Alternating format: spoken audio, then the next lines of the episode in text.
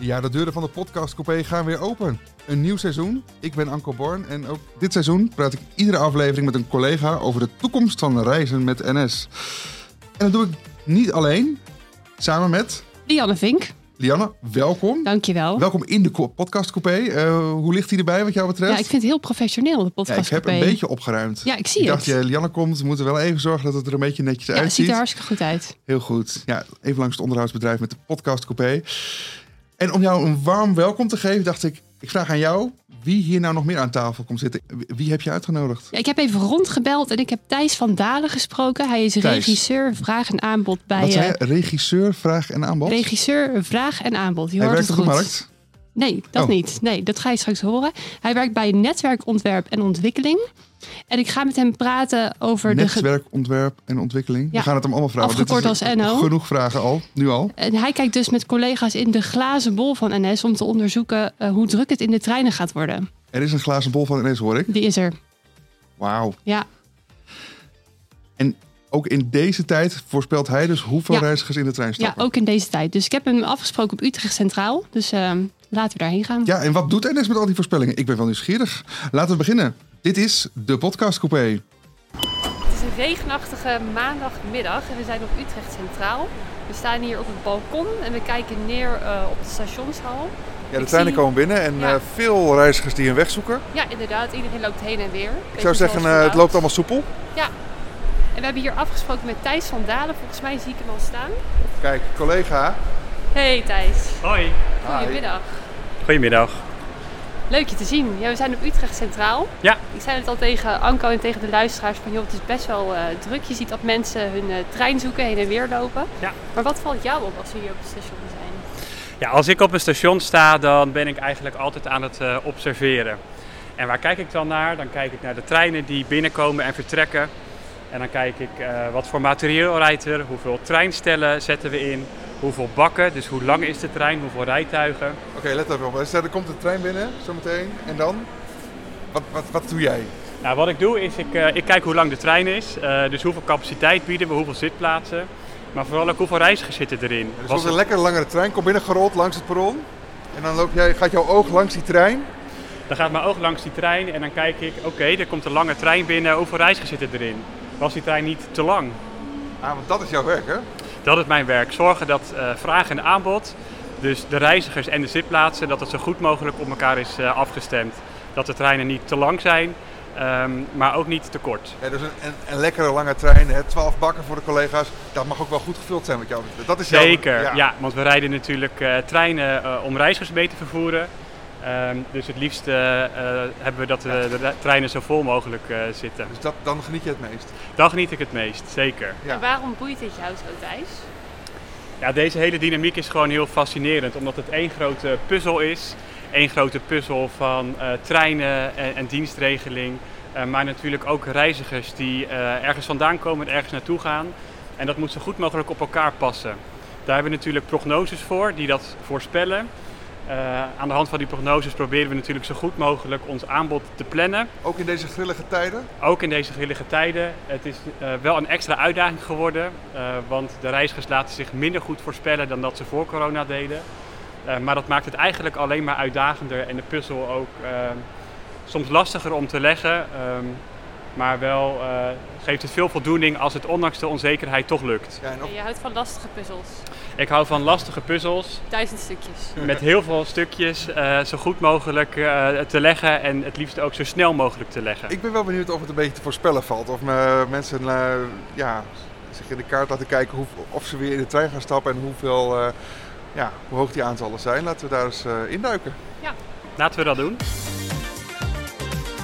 Ja, even een rustig plekje opgezocht met Thijs. Ehm, ja, wat doe jij precies? Want eh Lianne die zei het net al, maar je werkt bij NO, begrijp ik? Ja. Als? Ik werk bij eh, NO als regisseur vraag en aanbod. En, wat ik, En jullie eh, zijn van de afdeling Glazen Bol. wij zijn niet van de afdeling Glazen Bol. Die hebben we helaas niet. Ah. Maar we proberen wel zo goed mogelijk het aantal reizigers te voorspellen met alle onderzoeken die we doen en alle modellen die we daarvoor ontwikkeld hebben. Toch een soort glazen bol, maar dan serieus. Een soort glazen bol met Ja. vooral heel veel data ehm, en modellen waarmee we het aantal reizigers eh, proberen te voorspellen. Dat is best lastig. Ja, Normaal gesproken laten reizigers altijd redelijk goed voorspellen. Maar dat hebben we in de coronatijd wel anders zien worden. De onzekerheid is veel groter geworden. Het reisgedrag is compleet veranderd. Dus dat brengt wel de nodige uitdaging met zich mee. Ja, want laten we meteen maar eventjes die vraag op tafel gooien. Ehm, we kijken even terug naar de afgelopen twee jaar. Maar laten we ook misschien ook vooral vooruit kijken. In deze tijd, hoe voorspel je hoeveel mensen er in de trein zitten? Lijkt me niet te doen. Nou, dat is, best, uh, dat is best lastig. Kijk, normaal gesproken dan kijken we vooral uh, naar de realisatiedata, hè, dus naar de data uit het verleden. Dat zegt heel veel ook over de toekomst in een normale situatie. We hebben die data natuurlijk omdat elke reiziger of veel reizigers inchecken met hun overchipkaart en ook weer uitchecken. Dat geeft ons heel veel waardevolle informatie over hoe reizigers gereisd hebben. En op basis daarvan, aangevuld met wat zien we om ons heen, uh, qua economie, qua demografie, maar ook wat zijn onze eigen plannen, allemaal... kunnen we best goed reizigers voorspellen. Ja, dat zijn allemaal gegevens, trends die je dus al over langere tijd ziet. Ja. Maar de, ja, de, deze periode is nou juist heel grillig. Deze periode is heel grillig. Ja, laten we even naar een fragmentje luisteren, want dan zien we even hoe het ervoor uh, voor staat. We zien dat de reizigers steeds meer terugkomen in de trein. Door de week ligt dat aantal zelfs op 73% ten opzichte van voor corona. En in het weekend is het soms wel dat we meer reizigers zien dan voor corona. Nou, dat is natuurlijk hartstikke goed nieuws. Daar worden we ook erg blij van. Ja, 70% dus. Uh, april hebben we het dan over. Um, zijn dat cijfers uh, die je herkent uit het onderzoek? Ja, dat zijn cijfers die we, die we zeker herkennen. Dus we hebben, ik zei net al dat we normaal gesproken uh, uit het verleden kunnen leren wat de toekomst uh, gaat brengen, aangevuld met, uh, met extra informatie. En dat dat in de coronatijd veel lastiger is. Daarom hebben we uh, corona-gedragsonderzoeken uitgezet samen met de, de TU Delft. Daar hebben we er nu zes van, van gedaan. En daarin hebben we onze, ons panel gevraagd wat zij denken te gaan doen tijdens corona, maar ook na corona. En dan moet je denken aan hoeveel dagen denk je thuis te gaan werken. Uh, of thuisonderwijs te gaan volgen. Maar ook heb je in de coronatijd een ander vervoermiddel gekocht. Misschien wel een elektrische fiets of misschien wel een auto. En in hoeverre denk je na corona, als het allemaal weer kan, als de maatregelen er weer af zijn, uh, meer te gaan reizen, omdat je eigenlijk de afgelopen twee jaar wil inhalen. Dus alle uitjes die je niet hebt kunnen doen. Uh, in hoeverre denk je dat je die wel weer wil, wil gaan doen als het weer, uh, weer kan? Dus ja, hey, en Thijs, even tussendoor. Je hebt het over een panel. Wie zit er achter dat panel? Of wie zit er in dat panel? Dat is het, het NS-panel. Dat is een eigen panel van, van duizenden reizigers van alle motieven, dus, uh, woon-werkreizigers, maar ook sociaal-recreatieve klanten. Um, Eigenlijk en, een weerspiegeling van alle type ja, reizigers in ja, Nederland. Een weerspiegeling van, van de reizigers. En die hebben we dus meerdere keren, zes keer nu in totaal gevraagd naar uh, hoe corona hun reisgedrag beïnvloedt. Oké. Okay. En dat is een grote groep, begrijp ik. Je, je gaat ze niet allemaal even opbellen. Nee, we gaan ze niet allemaal even opbellen. Dat zou, uh, dat zou wel heel veel werk zijn. Dus we hebben gekeken naar een representatieve uh, groep uh, en die de vragen gesteld. En jij bedenkt mede de vragen die daar dus worden gesteld, als ik het goed begrijp? Ja, daar denken heel veel collega's heel over mee. Um, maar ik denk daar zeker ook over nou, mee. Wat is dan een vraag die voor jou nou relevant is? Kun je even een, een eentje opgooien? Nou, een van de vragen die, die het meest belangrijk uh, uh, voor ons is, is eigenlijk wel de vraag over het thuiswerken. Ja. Uh, want we zien nu dat we met name in het dal en in het weekend de reiziger echt weer zien terugkomen. Ehm, zeker in het weekend zitten we nu weer op ongeveer het niveau van voor corona. Dus daar zijn we natuurlijk ontzettend blij mee. Um, daarin zien we ook dat inhaalreizen terug. Hè? Dus mensen die nu juist extra sociaal-recreatieve reizen gaan maken, omdat het nu allemaal weer kan. Is dat ook dan volgens voorspelling? Want als ik jou goed begrijp, dan heb je dit onderzoek, doe je dat regelmatig. Ja. En zitten we dus nu in de fase dat mensen dat gaan doen? Hebben ze dat ook? Klopt dat, ja. Ja, gelukkig, gelukkig doen de mensen ook wat ze zeiden te gaan doen. Oh. Ja. Dus dat is altijd een geruststelling. Dat is natuurlijk altijd wel de vraag. Hè. Dus in hoeverre gaan mensen echt doen wat ze van tevoren denken te gaan doen. Maar dat is wel wat we nu zien. Maar om terug te komen op je vraag. Wat is nu hè, een van de belangrijkste dingen die we, die we uit dat, dat onderzoek zagen. En wat we nu ook in de praktijk ook zien is dat we door thuiswerken, en met name in de spits, nog steeds wel echt flink achterblijven ten opzichte van 2019. Um, dus in het dal en in het weekend zien we het aantal reizigers echt wel weer, uh, weer toenemen uh, richting de normale uh, hoeveelheden. Maar in, het, in de spits blijft dat echt wel achter. Ja, dus we hebben nu zo al twee trends te pakken, als ik het goed begrijp. Je hebt het over de inhaalreizen die goed gaan, om het maar zo te zeggen, en die echt massaal worden gedaan. En het andere is dus dat de forens nog deels terug is. Zeg ik het zo goed? Ja, de forens is, eh, is deels terug. We zien dat nog steeds wel oplopen. Uh, dus daar zijn we blij mee natuurlijk. want ook de forens hebben we natuurlijk het liefst graag gewoon weer terug in de trein. Um, en de vraag is ja, tot hoever die, die stijging door blijft gaan. Ja, we hebben ook een aantal collega's gevraagd hoe dat nou zit met die forensen. Wat hun eigen ervaringen zijn. Want ja, hoe vaak gaan ze zelf weer naar kantoor? Dus kantoorcollega's over hun eigen forensgedrag. Ik zit nu op twee, drie keer per week en het zal wel drie, vier worden. Wat me het meeste opvalt is, ja, het voelt bijna weer uh, als uh, 2020. Dat het uh, echt zo druk kan zijn in de trein. Dus dat voelt ja, voor mij als dat we weer pre-corona zitten. gemiddeld drie keer per week. Een maandag, dinsdag en de donderdag vaak. Maar ook wel eens een enkele keer maandag, woensdag, donderdag. Dus, uh... Soms wordt het wel echt weer druk. En soms valt het ook wel mee. En als het, uh, laatst had ik toevallig dat er een trein was uitgevallen... dat het echt weer staan was voor sommige mensen. Maar over het algemeen in de eerste klasse is het toch nog wel, wel goed te doen. Uh, ik reis nu drie keer in de week, denk ik gemiddeld weer met, met de trein. Mensen zitten ook gewoon weer naast elkaar, staan tegen, bijna weer tegen elkaar aan. Dus het is alweer nou ja, niet helemaal zo druk als vanouds natuurlijk, maar wel, uh, ja. Ja, een heel gemixt beeld hoor je wel. De ene collega die gaat al vaker naar kantoor, de andere niet. Ook de dagen wisselen. Um, hoe is dat voor jou? Hoe is jouw gedrag? Hoe dat is mijn gedrag persoonlijk. Um, nou, wat we zien is dat de dinsdag en de donderdag al best uh, wel druk wordt. De maandag blijft er wat, uh, wat op achter. De woensdag nog meer en de vrijdag is helemaal rustig. Dus er is echt nog veel, veel mogelijkheid om te spreiden over die dagen van de week. Zo kunnen we met z'n allen zowel de capaciteit in de trein als de capaciteit op de kantoren zo goed mogelijk benutten. En dat is wat ik zelf ook probeer. Dus met name op, op de woensdag ben ik op kantoor. Uh, en de dinsdag en de donderdag probeer ik zoveel mogelijk daarom ook thuis te werken. Ja. Dus reizigersaantallen zijn toch voor een deel een beetje een dagkoers aan het worden, als ik het goed begrijp. Nou, er zit, er zit, er zit nog steeds wel een, een lijn in. Um, maar het is zeker een, een, andere, een ander beeld wat we zien dan dat het was voor corona. En als jij die collega's zojuist, die heb je zojuist gehoord, sluit dat aan op, het, op de uitkomsten van het onderzoek? Ja, dat sluit wel uh, aan uh, op de uitkomst uit het onderzoek, waaruit eigenlijk wel echt blijkt dat, uh, dat thuiswerken blijft. Je luistert naar de podcast Coupé met deze aflevering te gast Thijs van Dalen. Een blik in zijn glazen bol, of in ieder geval wat daarvoor doorgaat, levert waardevolle informatie op over hoeveel reizigers in de trein stappen of hoeveel dat straks weer gaan doen. Informatie dus waar NS echt iets mee kan. Of in ieder geval, Thijs, is dat zo? Wat kunnen we met die informatie? Nou, met deze informatie proberen we natuurlijk zo goed mogelijk ons aanbod te plannen. Uh, dus de lengte van, uh, van de treinen. Met, wat bedoel je met aanbod? Met aanbod uh, bedoel ik de treinen die we inzetten, dus het materieel en heel specifiek de zitplaatsen. Ah, dus het, de hoeveelheid reizigers en de hoeveelheid treinen. Precies, want we proberen natuurlijk altijd zo goed mogelijk ons aanbod, hè, dus die zitplaatsen, aan te laten sluiten op de verwachte reizigersvraag. Uh, en zo te zorgen dat de treinen niet te vol worden, maar ook niet dat we hele lange treinen rijden die heel leeg zijn. Um, en deze informatie helpt ons daarbij om uh, zo goed mogelijk uh, dat die vraag op het aanbod, of eigenlijk andersom, de, het aanbod op de vraag, te kunnen aan, laten aansluiten. Ja, en om het even ehm, concreet te maken, want we hebben natuurlijk zoiets als de dienstregeling, die is er. En dan komen de uitkomsten. We hebben gezien trends over inhaalreizen, de forens die deels terugkomt. Ga je dan uh, bellen? Wat doe je?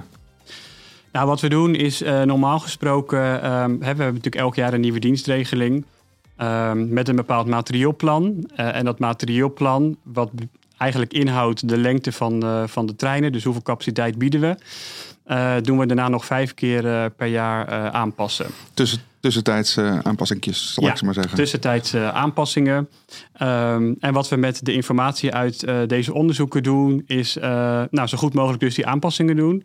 Nou, wat we ook in de coronatijd wel hebben geleerd, is dat we uh, um, ook in de tussentijd, dus gedurende de acht weken dat we zo'n materieelplan rijden, dat we eigenlijk ook in die tussentijd nog wel aanpassingen zouden willen doen. Dus niet zes keer per jaar uh, gedurende twee maanden een plan rijden, maar eigenlijk elke week een ander plan kunnen rijden. Zodat we zo goed mogelijk kunnen inspelen op die reizigersvraag, die nu gewoon veel grilliger is dan, dan voor corona. Je wil eigenlijk heel veerkrachtig worden. Ja, we willen zo wendbaar en flexibel mogelijk worden. Ja. En zo dicht mogelijk op de uitvoering eh, onze plannen kunnen aanpassen. Nou, daar werken we hard aan. Die ambitie hadden we ook voor corona al. Maar corona heeft ons eigenlijk wel geleerd dat dat, eh, dat, dat gewoon heel belangrijk is. En hoeveel weken vooruit kun je dan nog iets doen? Wat je zegt, eh, ik, ik heb een voorspelling. Ja, dat noem ik maar even een voorspelling, want ik, ik heb informatie uit het onderzoek. Het panel heeft gereageerd. En dan denk jij, wacht even, ik zie een trend. En dan, Ja, hoe lang duurt dat ook? ja, Nou, normaal gesproken om een heel materieelplan opnieuw te maken, daar zijn we echt wel maanden mee bezig. Ehm, dus de, de prognoses die we daarvoor maken, de reizigersprognoses, die zijn maanden eh, van tevoren gemaakt. Ehm, maar wat we nu doen is, we hebben eigenlijk een nieuwe eh, prognosevariant eh, eh, gemaakt. Die maken we zo'n zeven weken voor de uitvoering. En op basis daarvan doen we nog wel kleine wijzigingen in dat materieelplan. Dus we doen het niet meer helemaal opnieuw maken. Dat kunnen we nu nog niet. Ehm, maar we proberen wel waar we eigenlijk eh, net even te kleine treinen eens anders zouden rijden of veel te lange treinen, proberen we daar nog aanpassingen in te doen. En waar we naartoe willen, is dat we eh, zo'n zeven weken van tevoren, als we die prognoses gemaakt hebben, daarna nog ons hele materieelplan opnieuw kunnen maken. dus dan, ja, dan heb je het over langere treinen bijvoorbeeld. Dan heb je het over langere treinen, kortere treinen, eh, ander materieel. Ehm, dus zo goed mogelijk eh, het, het aanbod eh, a- ehm, aansluit op de vraag. En is die zeven weken, is dat dan dus de, de snelste, ehm, ja, de snelste termijn waarop je die wijziging kan doorvoeren? Ja, dat is, eh, dat is voor nu eh, is dat het moment waarop we nog aanpassingen kunnen doen. Ehm, want later in de tijd eh, kunnen we dat niet meer. Ja. Want je moet je voorstellen, als we een dienstregeling hebben gemaakt en een materieelplan, worden er daarna nog andere plannen gemaakt. Want een dienstregeling bestaat uit heel veel plannen. Eh, zo ook bijvoorbeeld een personeelsplan, ehm, maar ook een knooppuntplan. Ehm, dus dat is nu het termijn waarop we die wijzigingen eh, kunnen doorvoeren, nog in dat materieelplan. Ja, en want collega's worden natuurlijk ook gewoon op de dag bijgestuurd. Maar dat is dus iets anders. Dat zijn dingen die gebeuren op de dag zelf. En dit is echt het vooruitkijken, de trends die je ziet. En dan kan je kijken of je daar op die termijn kan je dat dus ik zeg maar even dan twee maanden van tevoren ongeveer.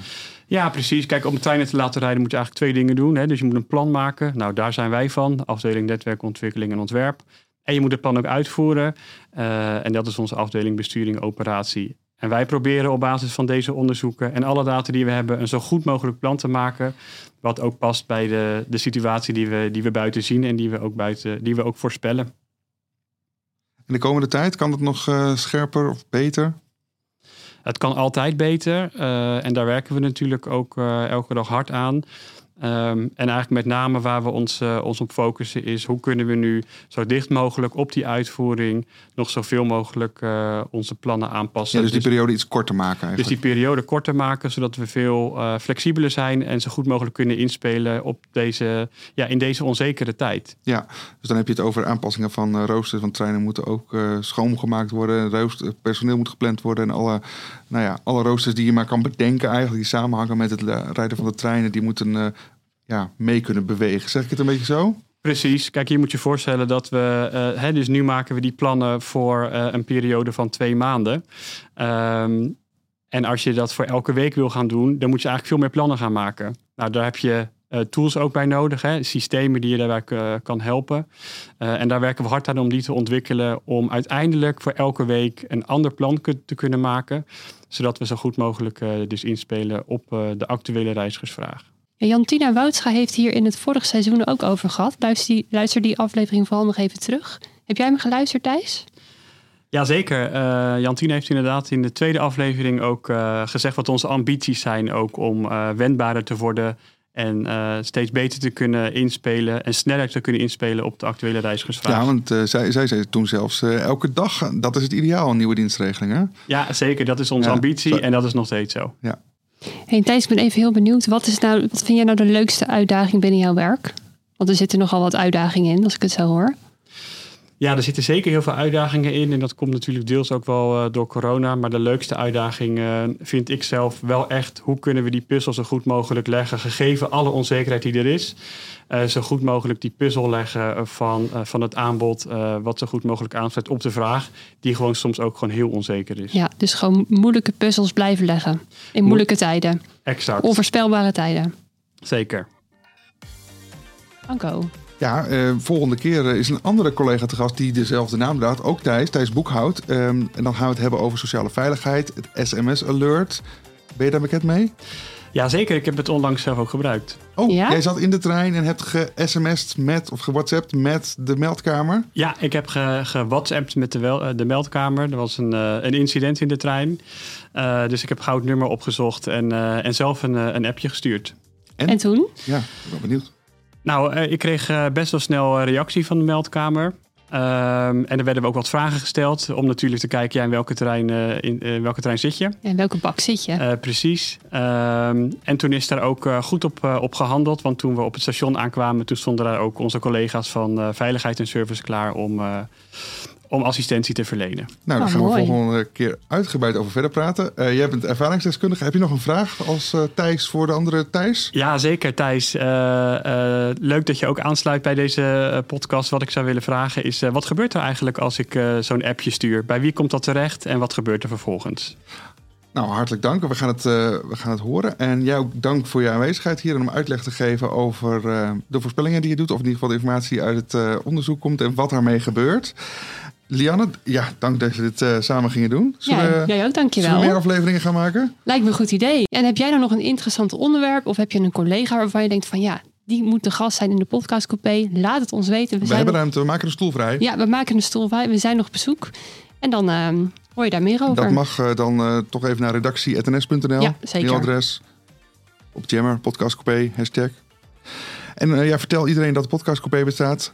Abonneren vinden we leuk. En eh, dan zeg ik eh, tot de volgende keer Tot de volgende keer. in de podcastcoupé.